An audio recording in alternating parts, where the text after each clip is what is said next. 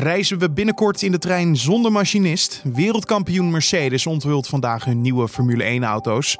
Een jubileum voor het videoplatform YouTube. En zoekt Noord-Korea toenadering of blijft de deur gesloten?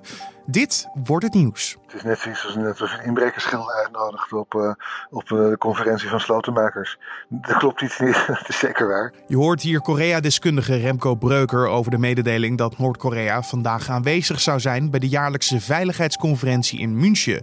Dit zou namelijk voor het eerst in de geschiedenis zijn. Alleen of ze daadwerkelijk ook echt aanwezig zijn, dat is één groot vraagteken. Daarover straks meer. Maar eerst kijken we naar het belangrijkste nieuws van nu. Mijn naam is Carne van der Brink en het is vandaag vrijdag 14 februari. De eerste passagiers van het Nederlandse cruiseschip Westerdam hebben in de nacht van donderdag op vrijdag het voertuig verlaten. Het schip meerde donderdag aan in Cambodja na bijna twee weken op de Zuid-Chinese zee te hebben rondgevaren. De Westerdam werd eerder door vijf landen geweigerd uit angst voor het coronavirus. Er zijn in totaal bijna 1500 passagiers aan boord van het cruiseschip, onder wie 91 Nederlanders. De passagiers zijn meerdere keren getest op het virus. Daaruit is gebleken dat niemand aan boord besmet is. Russische burgers zijn het ermee eens dat Rusland smartengeld moet betalen aan de MH17-nabestaanden. Als uit het internationaal onderzoek blijkt dat Rusland verantwoordelijk is voor de ramp met het Maleisische passagiersvliegtuig. Dat schrijft trouw op basis van een opinieonderzoek in opdracht van de Universiteit Leiden en kennisplatform Raam op Rusland. Uit het onderzoek blijkt dat ongeveer 55% van de ondervraagden het met de stelling eens of zelfs helemaal eens is. Daarnaast blijft een kwart van de Russen vinden dat er nog niet bewezen is wie er schuldig is aan de MH17-ramp. En verder vindt een groot deel dat het leger van Oekraïne de schuld moet dragen. De Amerikaanse minister William Barr heeft uitgehaald naar zijn president en republikeinse partijgenoot Donald Trump. Volgens Barr maken de tweets van Trump over lopende rechtszaken zijn werk onmogelijk. Barr komt in een interview met ABC voor zichzelf op nadat hij onder vuur was komen te liggen vanwege de zaak rond Trump-adviseur Roger Stone. Vier aanklagers in deze zaak stopten deze week nadat een strafeis door het departement van Barr was ingetrokken. Dat is een ongebruikelijke stap. President Trump noemde de strafeis tegen zijn dinsdag op Twitter een gerechtelijke blunder. Niet lang na deze tweet trokken de aanklagers zich terug uit de zaak. Tetjan Bloemen heeft zich donderdag bij de WK-afstanden schaatsen in Salt Lake City voor het eerst tot wereldkampioen op de 5 kilometer gekroond. De voor Canada rijdende schaatser hield Sven Kramer van zijn negende wereldtitel. Op de eerste dag van de WK-afstanden pakte Carlijn Achtereken bij de 3 kilometer net als Kramer zilver. En er was goud voor zowel de vrouwen als mannen op de teamsprint. Het toernooi duurt nog tot en met zondag. En Feyenoord heeft zich donderdag dankzij een kleine zege op Heerenveen geplaatst voor de halve finales van het Toto KNVB bekertoernooi. De Rotterdammers wonnen in het Abelenstra stadion met 0-1. De Rotterdammers spelen de volgende keer tegen NAC Breda. En FC Utrecht heeft donderdag ten koste van Go Ahead Eagles ook de halve finales bereikt. De Eredivisieclub versloeg de keukenkampioen Divisieclub in Deventer met 1-4 en staat in de volgende ronde tegenover Ajax. En dan het hoofdonderwerp van vandaag. Dat was in eerste instantie dat Noord-Korea voor het eerst in de geschiedenis dit jaar bij de veiligheidsconferentie in München zou zijn. Dit is een conferentie waar een tal van bewindslieden van diverse landen het internationale veiligheidsbeleid bespreken. Zo is voor Nederland minister-president Rutte, minister Blok van Buitenlandse Zaken en minister Bijleveld van Defensie aanwezig. Maar dus ook de Noord-Koreaanse minister van Buitenlandse Zaken. Of toch niet? De nieuwswebsite NK Nieuws schreef namelijk dat ze van bronnen hadden gehoord dat Noord-Korea toch niet aanwezig zou zijn. Toen ik dit las, besloot ik om de organisatie te bellen om te vragen wat hiervan klopt. Na meerdere keren gebeld en gemaild te hebben, kreeg ik geen antwoord op mijn vraag of ze nou wel of niet aanwezig zijn. Het blijft dus één groot vraagteken en we weten het pas zeker als de conferentie vandaag begint. Tussen alle onduidelijkheid leek het mij wel een goed moment om te praten over de relatie tussen Noord-Korea en de rest van de wereld. Hoe die band er op dit moment uitziet, dat vroeg ik aan Korea-deskundige van de Universiteit Leiden, Remco Breuker. Ja, nee, het is, een beetje uh, rustig geworden rondom Noord-Korea. Geen, geen raketten meer en geen provocaties. En wat er precies aan de hand is, de tijd zal het leren. Maar um, Noord-Korea heeft de afgelopen twee jaar zich erg versterkt, qua, zeker qua, qua wapencapaciteit. En lijkt nu af te wachten op, uh, een wat kwetsbaarder moment in Trumps campagne om zich weer te doen gelden. Tijdens de jaarwisseling was er nog sprake van een kerstcadeau wat Noord-Korea zou hebben voor de Verenigde Staten. Eh, daar hoor je ook niks meer over, hè? Nee, dat kerstcadeau dat ligt ergens onuitgepakt, ik weet niet, in een, in een, eh, in een kelder van het paleis van Kim Jong-un of zo. Het is niet helemaal duidelijk wat hij daarmee bedoelde. Men, men dacht aan een, aan een, eh, een lange afstandsrakettest of wat dan ook. Er is niks gekomen. Wat de reden daarachter is, blijft blijf speculeren. Ehm, of dat is omdat ehm, omdat ze toch kiezen voor een, voor een minder harde aanpak of dat ze willen wachten op een beter moment. Ja, want we hebben natuurlijk allemaal nog de beelden op ons netvlies staan van de ontmoeting tussen Kim Jong-un en eh, Donald Trump. Noord-Korea gaf zogezegd een hand aan de Verenigde Staten. Als we daar nu op terugkijken, heeft dat nog iets opgeleverd? Uh, voor de VS zeker niet. Die hebben eigenlijk een soort valse uh, verwachting gewekt dat Noord-Korea had toegezegd uh, te willen ontwapenen en ook te zullen ontwapenen, zeker als het ging om kernwapens. Um, voor Noord-Korea hebben ze wel zeker um, uh, effect gehad. Want die hebben in de tussentijd um, een, een x-aantal, ongeveer vijf waarschijnlijk, nieuwe raketsystemen kunnen ontwikkelen. Nieuwe vormen van brandstof voor die raketten en al wat iets meer zijn. Dat hebben ze ook aan de wereld kunnen laten zien dat ze die hebben. Dus dat, is een, dat, dat brengt weer geld in het laadje. Er zijn altijd landen die die raketten willen hebben. Dus voor, uh, voor Noord-Korea is het wel zeker uh, van, van uh, voordeel geweest. En waarom heeft dat dan zin gehad? Hebben ze daardoor nieuwe spullen kunnen kopen voor de raketten? Nee, ze hebben gewoon tijd gehad uh, om uh, zonder druk van buitenaf daaraan te werken. Um, en wat, wat heel duidelijk is gebleken, de, de VN heeft het panel wat zich hiermee bezighoudt bij de VN, heeft ook net een rapport erover geschreven. In de tijd dat Noord-Korea zich netjes gedroeg en vriendelijk praatte met Zuid-Korea en met de VS, hebben ze ondertussen van alles gedaan om een kernwapenprogramma te versterken is er gewoon in wapens gehandeld, is er in, in kolen gehandeld, allemaal tegen de sancties in. Dus um, waar het Noord-Korea voornamelijk om ging, was een soort rust dat het dit kon doen. En geen, geen gespannen situatie waarin alles wat ze deden onder de loep zou worden gelegd. Ja, dan heeft u het inderdaad over het VN-rapport wat Reuters heeft ingezien. En daarin stond dat uh, Noord-Korea nog steeds bezig was met kernwapens onder de VN-sancties. Laat dit zien dat Noord-Korea niet naar anderen luistert of dat ze andere prioriteiten misschien hebben? Beide. Noord-Korea heeft andere prioriteiten um, en is afgesneden van heel veel manieren om geld te verdienen. Um, en ja, dan, zijn ze, ga je op zoek naar andere manieren die misschien niet, die niet legaal zijn. Dat, uh, dat doet Noord-Korea.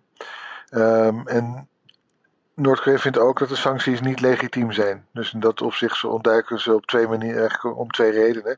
Eén, omdat er geld moet worden verdiend. En twee, omdat uh, Noord-Korea het ziet als een ongeoorloofde inmenging in uh, echt eigen soevereiniteit. Ik dacht de hele tijd, hoe kunnen ze dit economisch volhouden? Want volgens mij zwemt het land nou niet echt in het geld. Nee, ze zwemmen niet in het geld, maar er wordt genoeg. Uh, er wordt echt genoeg verdiend. Um, Noord-Koreaanse uh, overzeese activiteiten zijn nog steeds indrukwekkend. Uh, vinden plaats in heel veel landen waar je het ook niet zou verwachten. Um, en dat houdt het land wel economisch, of in ieder geval niet het land, maar het, het, leiderschap economisch overeind. Ja, want daar zit wel een duidelijk verschil in. Ze kunnen economisch groeien, uh, maar dat komt dan niet terecht bij de bevolking? Nee, helemaal niet. Nee. Dit, zijn twee gescheiden economieën. De, economie van uh, het paleis eigenlijk. En de economie van, van de gewone man en vrouw. Nee, dat zijn compleet gescheiden werelden. Zou je dan misschien kunnen zeggen dat je in Noord-Korea eigenlijk twee stromingen hebt? Eén stroming van een welvarend land, eh, dan heb je het over de regering, de bewindslieden, en een arm land, die van de bevolking. Ja, dat, dat, zo kan je het eigenlijk wel zien. Dat, dit is ook wel zo. De, de, de gemiddelde Noord-Koreaan leeft uh, in armoede. Um, en de gemiddelde, het gemiddelde lid van de elite leeft toch in uh, toch wel bepaalde wilden. En de echte elite die leeft uh, rijker dan wij ons kunnen voorstellen, denk ik. Ja, en geen burger zou je ooit tegen ingaan, lijkt me. Want ze staan onder constante druk van de regering. Nee, klopt. En het wordt ook wel weggehouden bij de bevolking, hoor. Die ziet het... Uh, die ziet het niet direct over het algemeen. Ja, en vandaag is dan de veiligheidsconferentie in München, waarbij ze aanwezig zouden zijn. Um, volgens alle geruchten, bronnen binnen de organisatie, uh, nog niet echt officieel uh, hebben we het kunnen krijgen. Lijkt het erop alsof Noord-Korea niet aanwezig zal zijn. Als dat inderdaad zo is, zou dit dan ook gelijk een gemiste kans zijn voor het land, maar ook voor de relaties met andere landen? Ik vind het moeilijk om te zeggen um, wat, um, wat Noord-Korea te winnen zou hebben bij deze de deelname aan deze veiligheidsconferentie. Ik denk dat het was waarschijnlijk plan van een, of deel van een langer, uh, lange termijnsplan om Noord-Korea weer wat te normaliseren. als een land waarmee je kunt praten, dat meedoet aan dit soort dingen, meedoet aan internationale verdragen. Eén deelname zou niks hebben veranderd, maar ja, als je dat een x aantal keer doet, bij allerlei verschillende bijeenkomsten internationaal, dan wordt het makkelijker om met andere landen te praten. Dit zou de eerste keer zijn dat Noord-Korea aan deze veiligheidsconferentie mee zou doen, die al sinds de jaren 60 elk jaar gehouden wordt. Maar ik dacht ook stiekem de hele tijd een veiligheidsconferentie in Noord-Korea. Is dat niet een hele rare combinatie? Ja, nee, natuurlijk. Ja, het is net zoiets als net als een inbrekersschilder uitnodigt op, uh, op uh, de conferentie van slotenmakers. Dat klopt iets niet, dat is zeker waar. Ik begrijp heel goed wat Noord-Korea daarbij eventueel te winnen kan hebben. Door te weten um, waarop wordt gelet. Maar hebben ze zelf iets bij te dragen? Met het huidige gedrag niet. Nee. En misschien hebben ze wel iets anders aan hun hoofd op dit moment. Want volgens berichten zou het coronavirus ook Noord-Korea hebben bereikt. Uh, zou dit een reden kunnen zijn dat ze zeggen: we houden onze deuren even gesloten voorlopig? Het zou heel goed kunnen. Noord-Korea accepteert op dit moment ook als het goed is geen, geen buitenlandse bezoekers meer. Um, en um, van uh, bronnen in Noord-Korea aan de grens komt toch wel het nieuws dat er al mensen aan het overlijden zijn aan, aan het coronavirus. Ja, en dat is überhaupt uh, erg, maar voor Noord-Korea met toch die hele rudimentaire uh, uh, gezondheidszorg, zeker in het noorden van het land, is dat, kan het dramatische gevolgen hebben. Dus dat is, Noord-Korea zit daar bovenop. Um, en die hebben ook weinig andere keus, denk ik, dan, dan er hier ontzettend hard mee omgaan. Het lastige natuurlijk van het land is dat ze super gesloten zijn met wat ze delen aan de buitenwereld. En ook met dit coronavirus. Want als je hun berichtgeving leest, dan zeggen ze van jongens, er is niks aan de hand, niks te zien hier. Ga maar gewoon door. We houden de deur gewoon lekker gesloten. Dat laat ook wel zien dat er nog heel veel onduidelijk is, hè? Ja, nee, zeker. De, de, de overheid heeft ook al in eerder stadium gezegd dat uh, het coronavirus in Noord-Korea helemaal niet kan voorkomen. Omdat Noord-Korea zo'n vooruitstrevend uh, land is ja, dan, kan je, dan is het moeilijk om terug te krabbelen natuurlijk. Maar dit lijkt me dan een super ingewikkelde situatie voor de bevolking. Want hulp van buitenaf, als dat nodig is, ja, dat komt niet snel het land in. Dat ook, nee. En, en er is nog iets uh, wat het heel lastig maakt voor Noord-Korea. Uh, Noord-Korea is voor de, de voedselvoorziening, uh, voorzieningen bijna alles trouwens, um, van de gewone man en vrouw ehm, helemaal afhankelijk van wat er over de Chinese grens naar binnen komt. Op het moment dat de gewone Noord-Koreaanse handelaren uh, die grens niet meer over kunnen, omdat die helemaal potdicht zit, dan gaan mensen honger krijgen. Dus dit, is een, uh, dit kan best wel eens een, uh, een indirecte bedreiging vormen voor het, voor het regime. Stel, we zouden alles samenvatten. Dus het doorgaan met het ontwikkelen van wapens, het eventueel niet komen opdagen bij een veiligheidsconferentie en het ontkennen van het coronavirus. Betekent dit dat ze dan gewoon heel graag in hun eigen bubbel willen blijven? Niet willen blijven zitten, maar uh, uiteindelijk er wel in terecht nog, nog steeds erin zitten. Ja. Nee, Noord-Korea probeert wel denk ik uit te komen en zich te presenteren als een gewoon land. Um, tot nu toe um, is dat nog niet heel succesvol geweest. En heeft dat dan mee te maken dat andere landen nog steeds de misstanden in het land zien? Dus de, de slechte mensenrechten en andere zaken die allemaal niet goed gaan in het land. Heeft daar het dan vooral mee te maken of, of iets anders? Nee, het is net absoluut waar. Ik bedoel, mensen, dat de mensenrechten de problematiek is, is een van de ergste ter wereld. Um, de, de buitenlandse activiteiten van het regime, ja, dat weten we ondertussen ook, wat daar allemaal, waar die allemaal mee bezig zijn. En Um, hoe daar ook internationale wetten en verdragen worden ontdoken. Nee, um, dat, is, um, dat maakt het wel lastig voor Noord-Korea om te doen alsof er niks aan de hand is en alsof het gewoon just another country uh, is. En dat, dat is het gewoon niet nog. Maar zouden we dan iets kunnen zeggen over de toekomst van Noord-Korea of is dat nog volledig onduidelijk? Het is niet heel duidelijk waar het naartoe gaat. Aan de andere kant, de koers waarop ze de laatste 20, 30 jaar zijn, uh, hebben gevaren, daar zijn ze, wel, ze zijn wel vrij koersvast gebleven gebleken. Dus ik denk eigenlijk dat het uh, dezelfde kant uit zal blijven gaan. Namelijk een land dat zich zal blijven bezighouden met de ontwikkeling van wapens en de illegale verkoop van wapens. Dat zich over zal blijven schuldig maken aan mensenrechten schendingen uh, en aan uh, internationaal niet geoorloofde manieren van geld verdienen. Je hoorde Korea-deskundige Remco Breuker. En dan kijken we nog even snel wat er verder vandaag te gebeuren staat. Mercedes onthult vandaag hun nieuwe Formule 1-auto's, waarmee het team in 2020 de wereldtitel opnieuw wil binnenharken. Regerend kampioen Lewis Hamilton en Valtteri Bottas blijven de coureurs. Ook Toro Rosso, die vanaf dit seizoen Alfa Tori heet, presenteert de nieuwe auto. Volgende week woensdag beginnen de testdagen in Barcelona en nu.nl is daarbij aanwezig. Arriva en ProRail gaan voor het eerst een trein zonder machinist testen. De automatisch bestuurde trein reed al een aantal testritten zonder reizigers. Maar nu willen de vervoersbedrijven testen hoe de reizigers de rit beleven. De trein vertrekt van station Groningen en rijdt twee keer heen en weer naar Buitenpost. De testritten zijn in de avond omdat er dan minder reguliere treinen rijden, waardoor er meer ruimte op het spoor is. En het videoplatform YouTube bestaat vandaag precies 15 jaar. De oprichters registreerden de site op Valentijnsdag 2005 met het idee dat het een datingservice zou worden waar singles een videoboodschap konden uploaden. 15 jaar later is YouTube na Google de populairste site ter wereld. Volgens de laatste cijfers wordt er elke minuut 500 uur aan video's op de site geplaatst.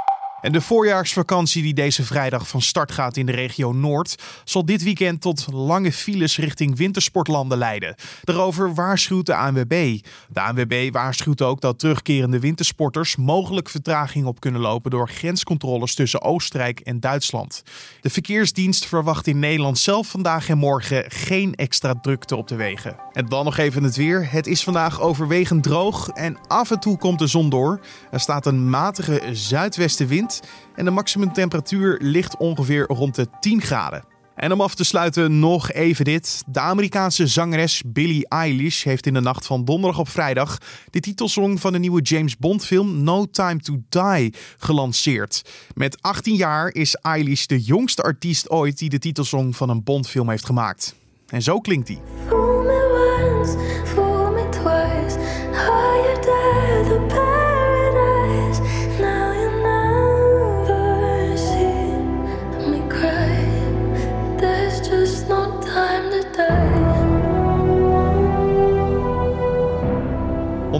Paul McCartney, Tom Jones, Adele en Sam Smith gingen de zangeres voor. De laatste twee wonnen beide een Oscar voor hun muzikale bijdrage aan de filmserie.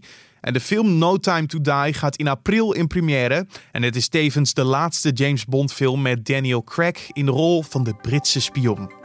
En dit was dan de Dit Wordt Nieuws podcast voor deze vrijdag 14 februari, oftewel Valentijnsdag. Vanmiddag zijn we weer terug met de Week van Nu podcast, onze openbare redactievergadering, waarin we het nieuws van deze week bespreken. En ik wil je graag melden als je deze podcast luistert via je favoriete podcast app, zoals Spotify of Apple Podcast, dat je je gratis kan abonneren. Zoek dan even boven bij de podcast zelf op abonneren, klik erop en het is helemaal gratis en de podcast staat elke ochtend voor je klaar. Mijn naam is Carne van der Brink. Voor nu wens ik je een hele mooie en liefdevolle dag toe op deze Valentijnsdag. Maak er iets moois van.